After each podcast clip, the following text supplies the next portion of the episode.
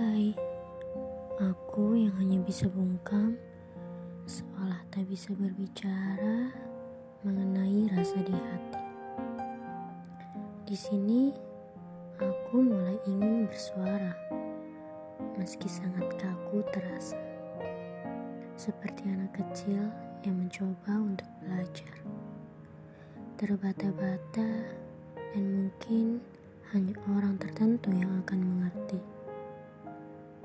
Aku hanya berharap semoga kamu mau mendengar podcast ini dengan nyaman dan selalu.